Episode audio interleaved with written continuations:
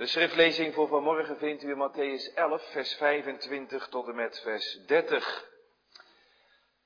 Matthäus 11, vers 25 tot en met vers 30.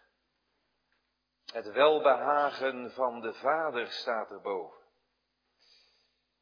In die tijd antwoordde Jezus en zei, ik dank u Vader, Heere van de hemel en van de aarde, dat u deze dingen voor de wijzen en verstandigen verborgen hebt en ze aan jonge kinderen hebt geopenbaard. Ja, Vader, want zo was het u welbehagen. Alle dingen zijn mij overgegeven door mijn Vader. En niemand kent de Zoon dan de Vader. En niemand kent de Vader dan de Zoon en hij aan wie de Zoon het wil openbaren. Kom naar mij toe, allen die vermoeid en belast bent, en ik zal u rust geven. Neem mijn juk op u en leer van mij dat ik zachtmoedig ben en nederig van hart.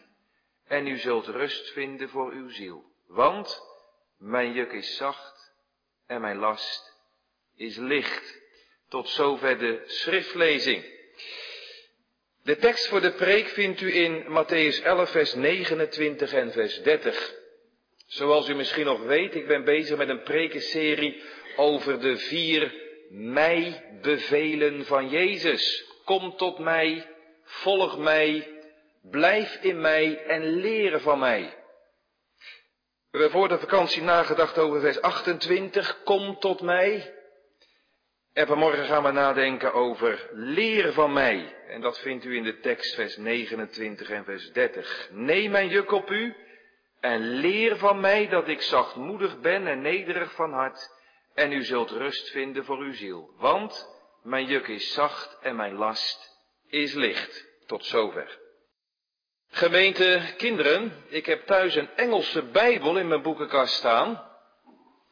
En eh, als je daarin bladert, in, het, in de evangelie kijkt, Matthäus, Marcus, Lucas en Johannes, dan staan de woorden die de Heer Jezus spreekt, die staan allemaal in rode letters gedrukt. Zodat je precies ziet, hé, dat zijn de woorden die uit de mond van de heiland kwamen. Nou, zo is het ook met de tekst van, uh, van morgen. Dat zijn woorden die uit de mond van de Heere Jezus komen. Neem mijn juk op u en leer van mij dat ik zachtmoedig ben en nederig van hart. Prachtige woorden, genadewoorden die uit zijn lippen kwamen. Woorden waar al zoveel mensen, trouwens dit hele gedeelte wat ik gelezen heb, Woorden waar al zoveel mensen troost uitgeput hebben.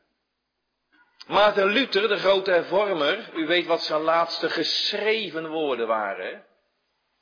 Dat wordt nog wel eens aangehaald door dominees. Zijn laatste geschreven woorden met een pen op zijn briefje op zijn schrijftafel, dat waren, wij zijn maar arme bedelaars, dat is waar. Maar weet je wat zijn laatste gepreekte woorden waren? Drie dagen voor zijn dood, heeft hij nog een preekje gehouden. En dat ging over Matthäus 11, onze tekst. En dan zegt hij, Jezus is Gods schoolmeester. Leer van mij. Jezus is Gods schoolmeester. Houdt u aan Hem. Hoort Hem alleen. Er zijn vele wijsneuzen die denken dat ze ook leermeester willen zijn van mensen. De duivel ging al op Gods stoel zitten in het paradijs. En hij wilde Adam en Eva al onderwijzen. Je moet wel eten, dan word je als God. Luister niet naar hen, zegt Luther. Men moet Jezus gehoorzamen. Hebt u zijn woord, blijf daarbij en zie op niemand anders. Dat zei hij voor het aangezicht van de dood. Jezus is Gods schoolmeester. Wat hij zelf. Nou, daar gaat het over vanuit vanmorgen. Leer van mij. Ik zet boven de preek in de schoolklas van Jezus. Dan zie ik drie dingen. Ik zie een juk in de tekst. Neem mijn juk op u. Ik zie een les. Leer van mij. Er valt wat te leren. En ik zie ook een oase. En u zult rust vinden voor uw ziel. In de schoolklas van Jezus. We letten op het juk. Waar de Heer Jezus het over heeft. En we letten op de les die hij wil leren. En we letten ook over de oase van rust die hij geeft. Nou gemeente, vorige keer voor de vakantie ging het over dat prachtige evangelie, wordt vers 28. Kom, kom naar mij, hierheen. En dat zegt hij, dat is een uitnodiging aan het adres van alle mensen die, uh, ja, die wel wat te, mee te sjouwen hebben. Allen die vermoeid en belast zijn, waardoor dan ook. Het lijkt net alsof de armen van de Heer Jezus, mensen lopen op een afstand, gaan ergens naartoe. De armen van de Heer Jezus uitgestrekt, ook naar kinderen. En hij kijkt u aan en hij roept hierheen, naar mij toe. Het is een prachtig mooi vers, de ouderen kennen dat wel, Johannes de Heerbundel. Jezus is wachtend, o zondaar, op u. Roept u zo vriendelijk, kom tot mij nu. Bied u verlossing en troost in uw smart. Kom nu verdwaalden en geef hem uw hart. Vliet tot hem nu. Kom hierheen. Gauw naar mij toe. Vliet tot hem nu. Hij wacht reeds op u. Ga zo niet verder, als u tot nu toe geleefd hebt, maar kom tot hem nu. Jezus is wachtend, wachtend op u. Stel toch niet langer uit. Kom, doe het nu. Nou, daar begon het mee. Kom tot mij. Hij riep en u kwam door genade. Zoals je bent vandaag. En hij gaf rust, hij gaf u redding, hij gaf u het recht om Gods kind te worden. En dan, dat is de vraag van vanmorgen. Als je nou door genade gekomen bent, dominee, tot de Heer Jezus. Is er nog een daarna? Ja, dat is er. Waar gaat het over? Als je gekomen bent zoals je bent. En je hebt die rust ontvangen, dan zegt hij in vers 29, neem mijn juk op u. U moet goed begrijpen, gemeente, het evangelie gaat niet alleen over de vraag, hoe word ik van de hel verlost en hoe kom ik in de hemel?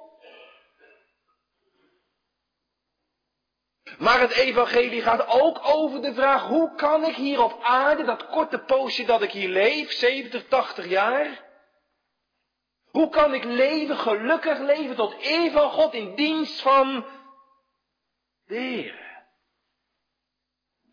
Als het gaat over de vraag, hoe kom ik in de hemel? Dan je er maar één naam gegeven. Dat is de naam van de Heer Jezus, de Heiland. Maar vervolgens gaat het ook over de vraag, hoe kan je hier op aarde nou tot eer van God leven? Dat kan alleen als je de Heer Jezus als de Heer van je leven hebt aanvaard. Niet alleen de heiland die je brengt in de hemel, maar de Heer van jouw leven, waar je je zorgen, je moeite, je vreugdevolle dingen, je mooie dingen, je legt je leven in zijn handen. Hij is jouw baas, jouw regeerder, jouw meester, schoolmeester, leermeester. Daar gaat het ook over. Er zijn mensen die de Heer Jezus vertrouwen als hun verlosser. Dan zeg ik halleluja. Maar dat is maar de helft van het verhaal. Dan moet je ook leren om de Heer Jezus te volgen als je meester. Dat hoort er allebei bij. Christen worden, wat kost je dat? Om christen te worden, dat kost je niks. Een ander heeft die prijs betaald. Het bloed van de Heer Jezus, het lam, de genade van God, die heeft ervoor gezorgd, die heeft betaald.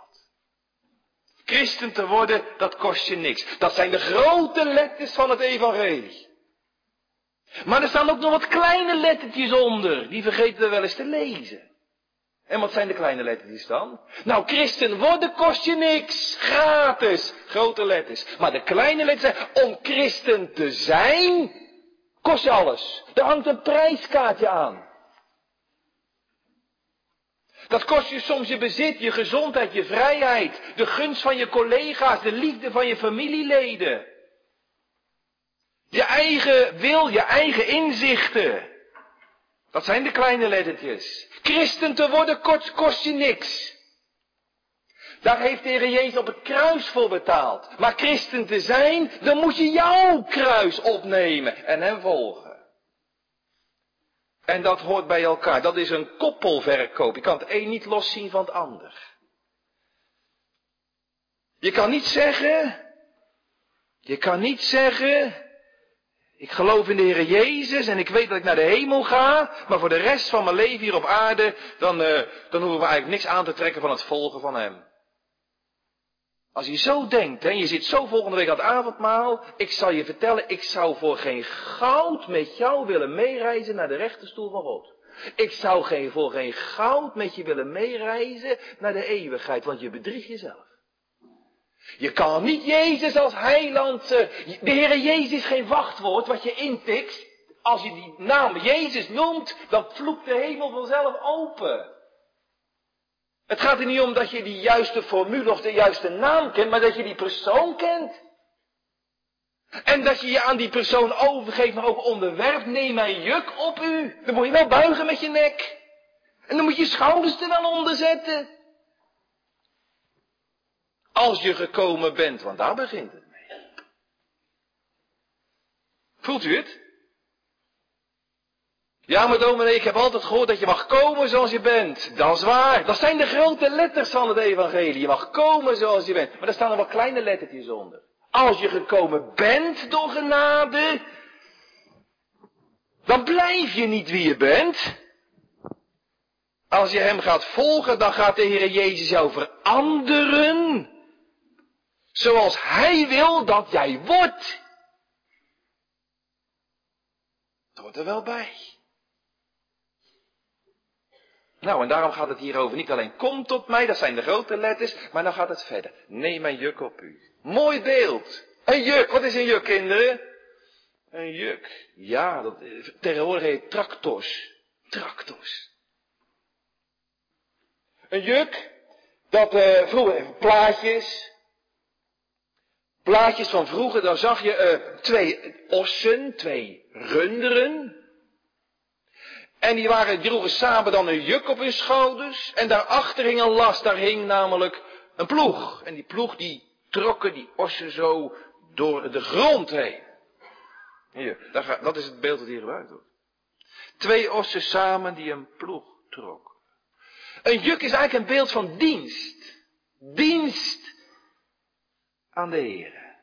Samen trokken ze een ploeg, samen onder het juk.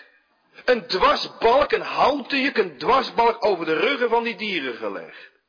Soms zeggen we wel eens van mensen met veel zorgen, dan zeggen we, nou die hebben een zwaar juk te dragen. Weet je wat ik nou zo'n geweldig mooi beeld vind? Weet je wat ik zo geweldig vind, gemeente, van dit beeld? Nou nodigt de Heer Jezus ons uit voor degenen die gekomen zijn, die vermoeid en belasten, die rust gekregen hebben. Nou vervolgens, nou nodigt Hij ons uit om samen onder het juk van Jezus te gaan. Ik zeg, ho even dominee. Daar word ik weer moe van. Ik was al vermoeid en belast en ik kwam tot hem, ik kreeg rust, maar gaat hij me nou uh, zware lasten op mijn schouders leggen, de Jezus? Dat maken we opnieuw moe, al die lasten en ladingen. Moet ik dan nog meer dragen? Nou, ik zal u eerlijk zeggen, gemeente.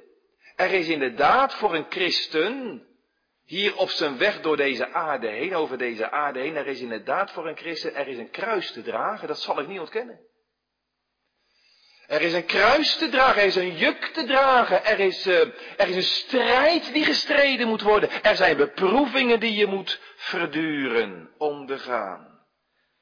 Maar ik zeg er tegelijkertijd bij, de vertroostingen zijn meer dan de beproevingen. Nou, maak dat, bewijs dat maar eens, zegt u. Nou, ik ga mijn best doen.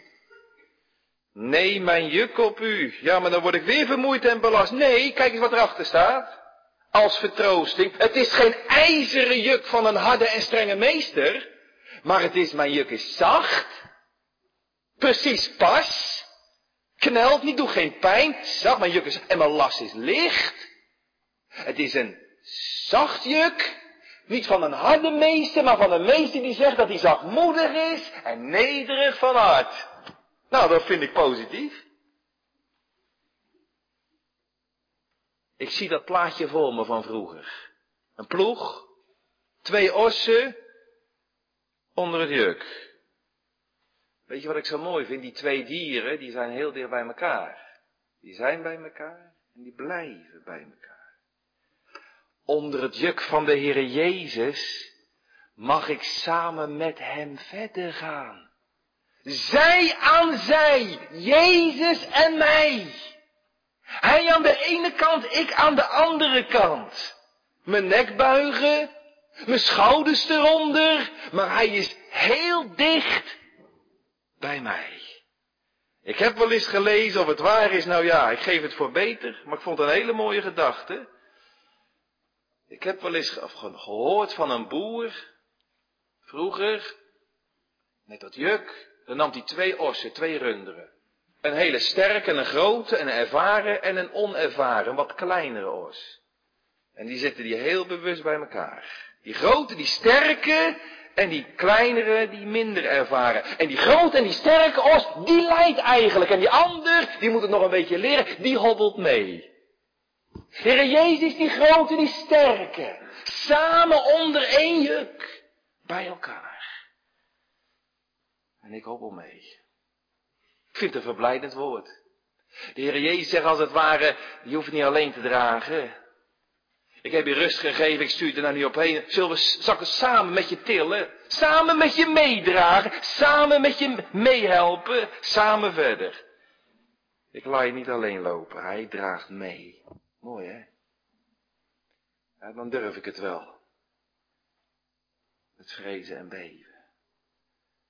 Zie dat juk voor me, kinderen. Ben je er nog bij? Die twee, twee dieren. Je moet wel dezelfde richting oplopen. Als die ene die kant op gaat en die andere wil die andere kant op, ja, de hele grote kans dat je het hele vrachtje alleen moet trekken. Wel samen dezelfde kant op lopen. Organist speelde het. Leer mij uw weg. Daarin samen te gaan. Ja. Ook dezelfde snelheid trouwens. Dezelfde snelheid. Stel je voor dat de Heer nou op een onplezierige weg leidt. Wat je eigenlijk niet wil. Een onplezierige weg. Dan heb ik de neiging om mijn vaart wat te minderen. Om wat minder hard te lopen, minder volgzaam te zijn. En weet je wat er dan gebeurt? Dan gaat dat juk, dat gaat bij mij schuren. Dan voel ik het knellen. Maar ik weet ook hoe het komt. Omdat ik niet zo gewillig ben om zijn weg te gaan met hem aan mijn zij. Mijn juk is zacht. En mijn last is licht. Kinderen, ik heb aan jullie gedacht in de voorbereiding van de preek. Ik denk aan dat voorbeeld van dat jongetje, ergens in India of zo. En dat jongetje dat droeg elke dag een verlamd kindje op zijn rug naar school. En toen vroeg eens een keer iemand aan dat jochie, met dat verlamde kindje op zijn rug. Is dat geen zware vracht, joh? En toen zei die jongen, dat is geen vracht, dat is mijn broertje. Dat is mijn broertje. De liefde, die doet het niet zwaar zijn. Zonder liefde is allemaal te zwaar, maar door de liefde, dan draag je het wel, maar je voelt het niet. Mijn juk is zacht. Door de liefde dan zeg je, Heer, het is waar. De liefde geeft kracht. Er staat in het Nieuwe Testament ergens, zijn geboden zijn niet zwaar. Dat juk, dat is eigenlijk het juk van zijn geboden. In het, Nieuwe Testament had je een bekende uitdrukking, het juk van de Torah, het juk van Gods wet. En dat juk van Gods wet, dat was niet zwaar. Maar wat de fariseeën en schriftgeleerden eraan lasten allemaal achteraan hadden gehangen, menselijke inzettingen en geboden, dat maakte het lood zwaar. Het juk van, het, van de wet van God. Maar die menselijke geboden erbij, ja, dat, dat maakte het. Zijn geboden zijn niet zwaar. Nee. Een lichte last. Bij een lichte last denk ik niet aan een eh, meneer. Bij een lichte last denk ik aan een meisje dat vrolijk huppelend met een rugtasje de heuvel afkomt. Nou, dat ligt de last. Maar bij een zware last denk ik aan een meneer die kromgebogen, sjouwend de heuvel opgaat. Nou, zegt de Heer Jezus, denk niet aan die kromgebogen man die sjouwt en die puft en die zucht als het gaat over het dienen van mij. Maar denk aan dat meisje die licht huppelend haar weg gaat. Dat is het. Mijn last is licht. Die last is net zo zwaar als de veren, als de vleugels van een vogel. Nou, dat vindt een vogel niet zwaar. Dat vindt een vogel niet zwaar. Dan kan hij mee vliegen naar de hemel toe. Dat hoort erbij. Zijn geboden zijn niet zwaar. Moet ik dat zelf volbrengen? Nee, het grootste gebod is liefdesgebod. En aangezien de Heilige Geest die liefde in mijn hart heeft uitgestort. En als de Heer me beveelt om lief te hebben, dan zegt mijn nieuwe natuur, ja, maar dat wil ik ook graag. Velt u dat? Als ik tegen een hond zeg, vlieg, dan zal een hond dat nooit kunnen. Waarom niet? Dat is zijn natuur, dat is zijn aard niet. Maar als ik tegen een roodbosje zeg, vlieg eens eventjes een stukje weg. Dan zou een roodbosje bij spreken. een roodbosje zegt, ja, maar dat, dat, is geen probleem, dat is geen opgave. Dat doe ik graag, dat is mijn element. Dat is mijn natuur, dat is mijn aard. Als de Heer Jezus door zijn heilige geest en liefde heeft uitgestort in je hart en het juk van de liefde ligt op je, dan zeg je, ja, maar dat vind ik ook fijn. Zijn geboden te doen, dat is vreugde. Dat is lust. Dat doe ik graag.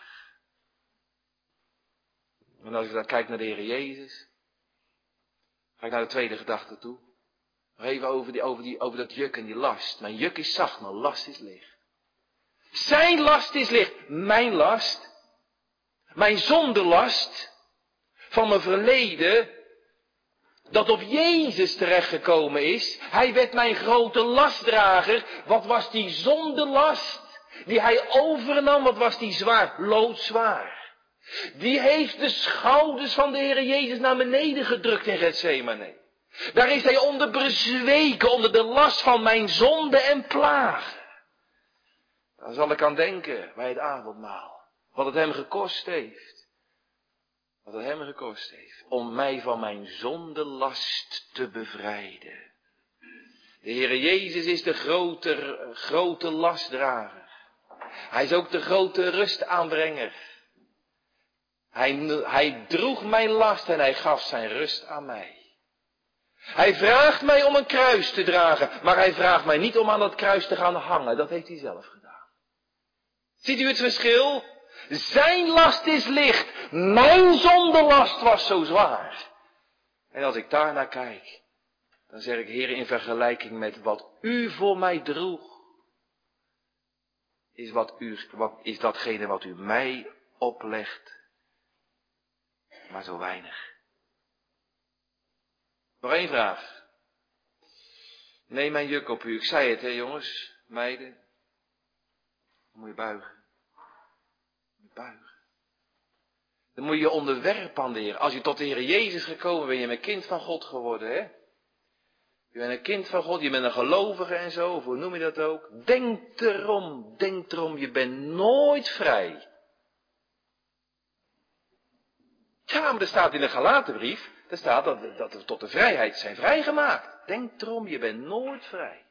Je bent altijd niet ongebonden, je bent altijd onderworpen aan het juk van Christus. Maar dat wil je ook graag.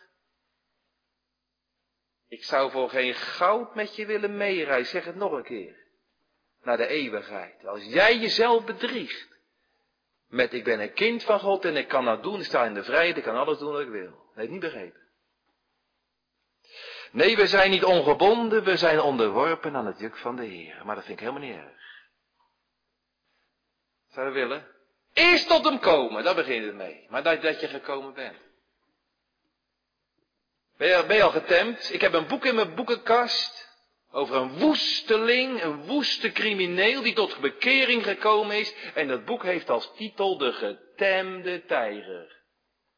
Heeft de Heer, heeft de Heilige Geest je al getemd? Een tam gemaakt, tam gemaakt. Wil toch niet stug gelijk een paard weer streven? Of als een muilezel door domheid voortgedreven dat je er vanaf wil? Bekering wil zeggen dat ik mijn hoofd buig. Niet mijn trotse nek, maar mijn hoofd buig. Die ben ik. Vroeger zeiden die oude mensen, dan leg je je hoofd op blok. Dan leg je je hoofd op het blok. Dat is toegewijd aan uw eer. Heren, leg het maar maar op. Want ik weet, u bent een zachtmoedige en een nederige meester. En uw juk is zacht. Tweede gedachte, leer van mij. Er is niet alleen een taak die je hebt. Niet alleen een dienst die je doet, het juk. Maar er is ook een les te leren. Leren van mij dat ik zachtmoedig ben en nederig van hart. Weet je wat ik zo mooi vind? Want dit is zo'n mooie tekst. Ik weet niet dat er zo ongekende diepten in zaten. Mag ik eens een vraag stellen?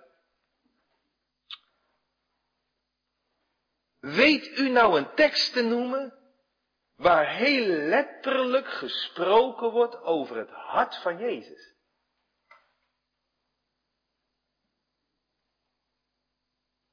Ja, ik ken wel een paar liederen die daarover gaan, maar noem nou eens een Bijbeltekst waar heel letterlijk gesproken wordt over het hart van Jezus.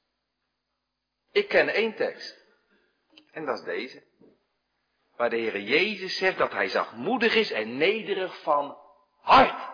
En daarom is deze tekst me zo kostbaar. Moet je nooit vergeten deze tekst. Wat leeft er in het hart van Jezus? Hij is geen harde en strenge meester. Hij is zachtmoedig en nederig van Dat zijn geen eigenschappen die ik van mezelf als eerste zou opzommen.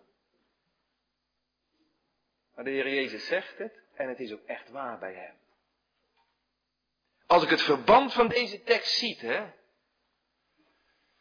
Er wordt aan de ene kant gesproken over de grootheid en de majesteit van Christus. Er staat in vers 27, alle dingen zijn mij overgegeven door mijn vader. Ik ben de zoon. Niemand kent de vader dan de zoon. Hier gaat het over de zoon van God die alle dingen, Heere God des hemels en der aarde, en die hele hemel en die hele aarde zijn door de Vader aan de Zoon gegeven. Die gaan over de macht en de majesteit en de heerlijkheid en de grootte van de Zoon. En diezelfde Zoon zegt naar mensen toe. Ik ben zachtmoedig en nederig van hart. Aanbiddelijke heiland. Goede meester. En dat ervaar je ook. Als heilig avondmaalganger. Als kind van God ga je dat in je leven heerlijk, tot je eigen beschaming ook. Je gaat het ervaren. Je proeft dat de heiland zachtmoedig en nederig is. Weet je wie dat ervaren heeft? Petrus na zijn val. Heer Jezus kijkt hem aan en hij zoekt hem op. Geen toren, geen wraak, geen ik zal het je vergelden. Geen kwaad met kwaad. Petrus, ik heb voor je gebeden, jongen, dat je geloof niet zal ophouden. Zachtmoedig. Ik weet dat je me driemaal gaat verlogen. Zachtmoedig, nederig Thomas heeft dat ervaren met zijn koude ongeloof. En de Heer Jezus kwam de opstandingsdag. Geen verwijt. Je wil het graag voelen, nou hier. Je wil het graag voelen, pak het maar dat stukje brood, dat stokje wijn. Proef het maar. Dat ik zachtmoedig en nederig vanuit ben. De discipelen hebben dat ervaren aan hun voeten. Aan den lijve aan hun voeten. Niemand wilde die, die, die wasbak pakken en die theedoek. Die handdoek. En de Heer Jezus bukte en ging die vieze voeten van de discipelen wassen. Nederig van hart. Ja, zo is hij. Zo is hij. Geweldige eigenschappen. Dat breekt je hart. Leer, en dan zegt de Heer Jezus niet alleen dat ik dat ben, zachtmoedig, maar ik wil het jou ook leren. Dan ga ik nou aan mijn discipelen, aan mijn leerlingen, aan mijn volgelingen, aan de gekomenen tot mij. Dat is, dan ga ik je vervolgens leren. Ik ga je maken, je bent gekomen zoals je bent, nou ga ik je maken. Door mijn geest vormen, kneden naar mijn beeld, zodat je op mij gaat lijken. Leer van mij dat ik zachtmoedig ben. Met andere woorden, ja, dat moeten we leren, want dat zit niet in mijn hart. Dat zit er bij mij niet in. Maar hij gaat het me leren, onderwijzen, voordoen. Dus zachtmoedigheid is geen karaktertrek van een lieve ziel. Zachtmoedigheid is een geestestrek. Een geestesvrucht. Die hij in mij gaat creëren. Ik vind het altijd zo mooi, kinderen, dat weten jullie ook wel, het voorbeeld van Mozes. En Mozes was een driftkop. Hij had een groot hart voor het volk Israël, waar hij zelf uitkwam. En die Egyptenaar, hij zag hem een, een, Israëliet afbeulen en hij sloeg de Egyptenaar dood. Een drifthesses. Ja. De Heer Jezus ging hem zachtmoedig maken. Daar heeft hij veertig jaar over gedaan om die les te leren. Veertig jaar. Veertig jaar. Eerst op de schaapjes oefenen. En toen op de mensen. Veertig en na veertig jaar zei de Heer tegen het volk Israël, dan moet je eens naar Mozes kijken wat ik van hem gemaakt heb. Dat is de zachtmoedigste mens van de hele aarde. Dat was hij niet, dat heeft God van hem gemaakt. Geestestrek. Een getemde tijger. Die er bovenop sloeg op die Egyptenaar. Een getemde tijger. Of eigenlijk moet ik het nog anders zeggen. Hij kreeg een lamsnatuur. De natuur van het lam. Zachtmoedig. Nederig van hart. Nederig was de Heer Jezus ook. Hij zat op de troon van de Vader. Adam die wilde omhoog, trots als God zijn. Jezus kwam naar beneden, nederig. De minste van de mensen. Slaaf tot aan de dood des kruises. Nederig. Niet je verheffen naar boven, niet boven mensen staan, ernaast en eronder komen. Laat die gezindheid in u zijn die ook in Christus Jezus was. De Heer Jezus wil het ons leren nederig te zijn, te worden. Waarom? Nou, daar voelt de Heilige Geest zich het beste bij thuis. Als je veel van de Heilige Geest wil ontvangen, dan moet je vragen, Heere, maak me nederig en klein. Want de Heere die betoont zijn welbaren, die geeft zijn geest in bijzonder in nederig gemaakte mensen. Ik wil één tekst met u lezen. Hebt u Matthäus 11 nog voor u? Moet u even één bladzijde terugslaan, Matthäus 10. Een hele belangrijke tekst. Matthäus 10, vers 24 en 25. Daar staat dit. De discipel die staat niet boven de meester en de slaaf niet boven zijn heer. Daar komt het. Het moet genoeg zijn voor de discipel dat hij wordt zoals zijn meester. Laat het genoeg zijn voor de leerling, voor de volgeling, voor de christen, dat ik nou mag worden als hij. Geest gevuld leven, geest gevormd leven. Vorm mij, maak mij zoals u. Maak mij als de meester. Leer van mij Maak mij als u, Heer Jezus, zo vol van ootmoed, liefde en trouw, maak mij een beeld van u. De Heer Jezus vraagt niet of we van Hem leren om wonderen te doen.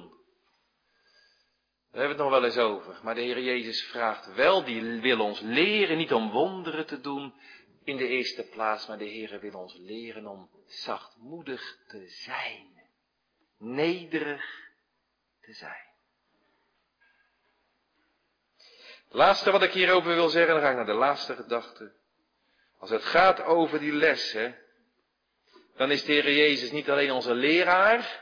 Leer van mij in de schoolklas van Jezus. Hij is de meester. Dan is hij niet alleen onze leraar, maar hij is ook de lesstof. Wat kan ik dan van u leren, heren? Nou, niet de leer van de leraar, maar de persoon van de leraar. Hij wijst op zichzelf en hij zegt van, doe mij na. Laat die gezindheid in u zijn die in mij was. Het gaat niet over de dogmatiek van die leraar, de visie van die leraar, maar de persoon van die leraar. Wie hij is. En dat ik mag worden als hij. Dan maak je het verschil op Rotterdam Zuid dan maak jij het verschil in de wereld. Zoals de Heer Jezus het verschil maakte in Israël in de wereld. Door te zijn zoals Hij was. Door anders te zijn. Door nederig te zijn. Laatste gedachte. Ik heb het gehad over het juk. Ik heb het gehad over de les. Ten derde de rust. Nou, dan gaan we nog eens even goed kijken. Er staat in vers 28 en 9, het staat twee keer het woordje rust. In vers 28 staat, kom tot mij allen die vermoeid en belast zijn en ik zal u rust geven. En in vers 29 staat, neem mijn juk op u en u zult rust vinden voor uw ziel. Dat zijn twee verschillende dingen. Rust geven, dat doet hij, en rust vinden. De zondaar die tot hem komt, vindt, vermoeid en belast, die komt tot hem en die vindt, voor de eerste maal in zijn leven ware rust. Dat is de rust voor de zondaar die Jezus geeft. En vervolgens de gelovige die zijn juk op zich neemt en de lessen leert, die vindt rust voor zijn ziel. Dat is de rust van de gelovige. Rust van de zondaar, in zijn geweten krijgt hij rust. Dat is één, dat is vers 28. En vers 29 is de rust van de gelovige, die rust vindt in zijn hart. Door de omstandigheden in het leven niet is. Ik krijg als zondaar, als ik tot Christus kom, rust in mijn geweten. Door het werk van Christus. Het volbrachte werk voor mij. Maar de gelovige die krijgt rust in zijn ziel, doordat hij leert van de persoon van Christus. Voelt u dat onderscheid? Ik ga het toch eens anders uitleggen. Vroeger hadden ze het over staat en stand, positie en praktijk. Als je voor de eerst als vermoeid en belast tot de Heer Jezus komt, je verleden speelt mee, je vroegere zonde speelt mee, je, je, je, lege godsdienst speelt mee, je krijgt er last van en je bent onrustig en, en je, je voelt je verlorenheid voor God en de leegheid van de wereld en je hopeloze toekomst en je komt moede armen naar tot de Heer Jezus. Dat is vers 28. Dan krijg je, je rust. Je kwam tot Hem en Hij gaf je vergeving van je zonde. Hij gaf vrede met God. Hij gaf geen verdoemenis meer voor degenen die in Christus Jezus zijn. Geen veroordeling meer. Vrede, rust in mijn geweten. Nou mag ik weten, ik ben gered. Ik mag weten, dat allemaal vers 28, ik hoef geen angst meer te hebben voor de dood. Ik hoef geen angst meer te hebben voor de hel. Ik hoef geen angst meer te hebben voor de straf. Vrede met God. Ik zal u rust geven.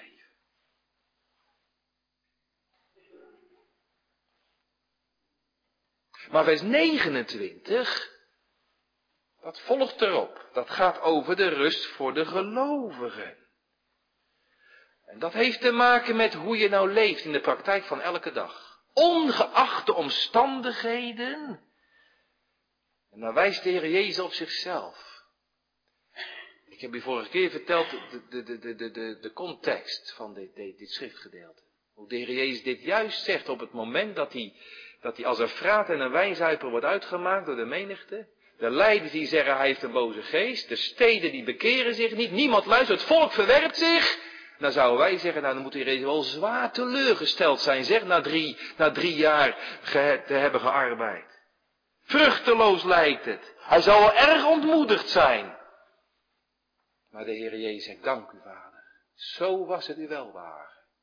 Al die uiterlijke, teleurstellende, ontmoedigende omstandigheden, die konden de rust in het hart van de Heer Jezus niet wegnemen.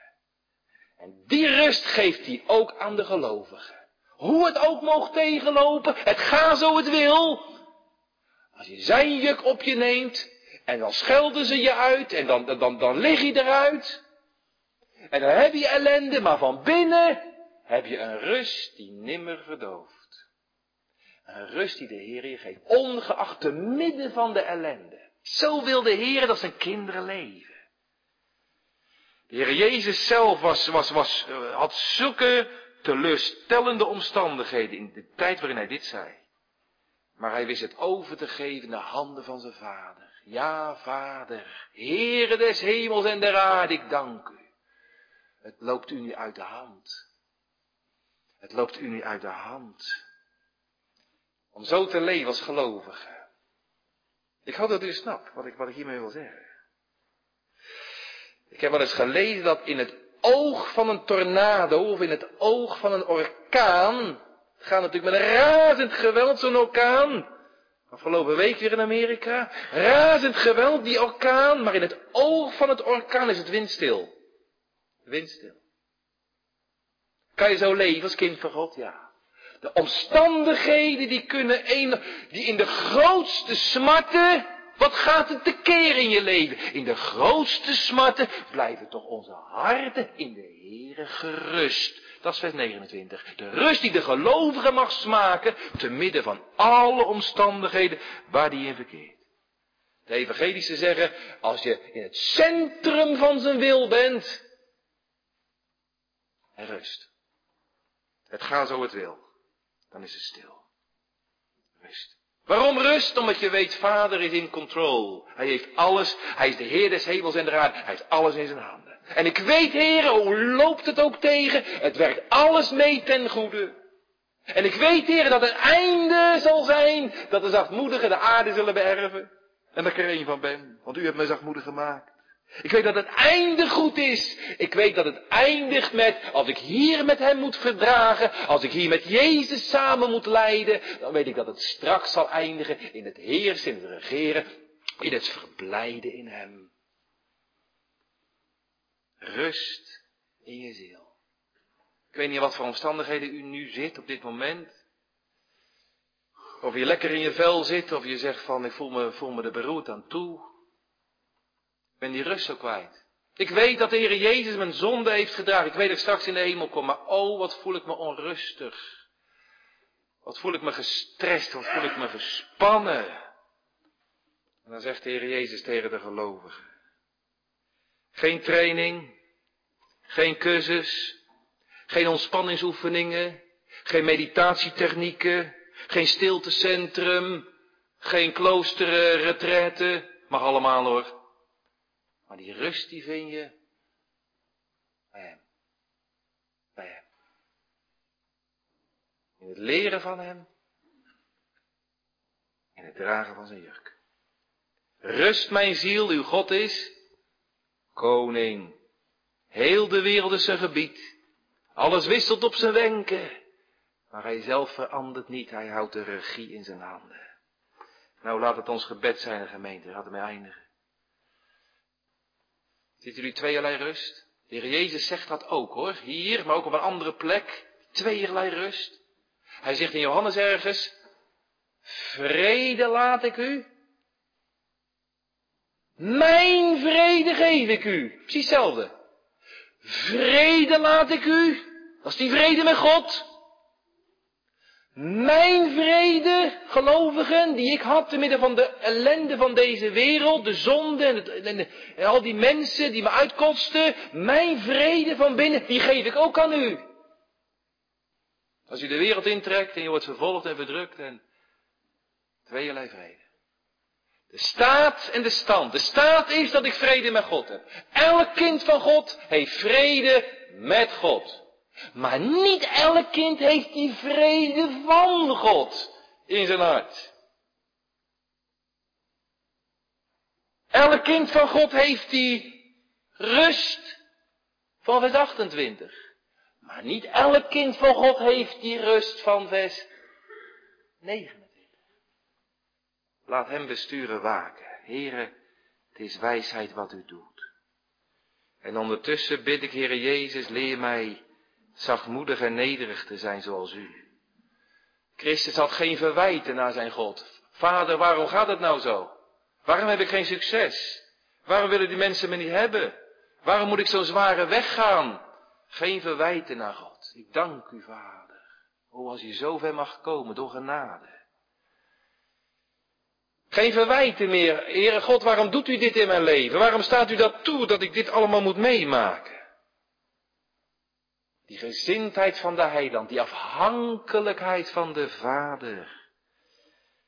De Heere Jezus geeft rust. En hij leert en hij openbaart de Vader. Ja. Wie nu tot hem komen, die zullen straks aankomen. Die zullen straks aankomen. Als je nu tot hem komt, dan zal je straks bij hem mogen aankomen. Dan mag je de rust ingaan die er is voor het volk van God. De eeuwige rust. Als je nu tot hem komt, zal je straks bij hem aankomen. Welkom, kom in, gij gezegen. En ondertussen, wat ertussen ligt.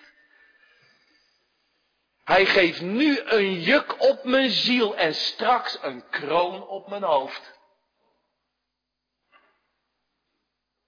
We zijn begonnen met Johannes de Heer. Was een verzoeknummer van mij in het begin van de dienst.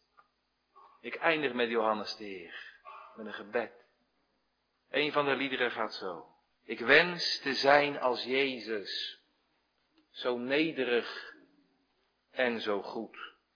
Helaas, ik ben niet als Jezus. Dat ziet een elk aan mij. O heiland wil mij helpen. En maak mij zoals gij. Amen.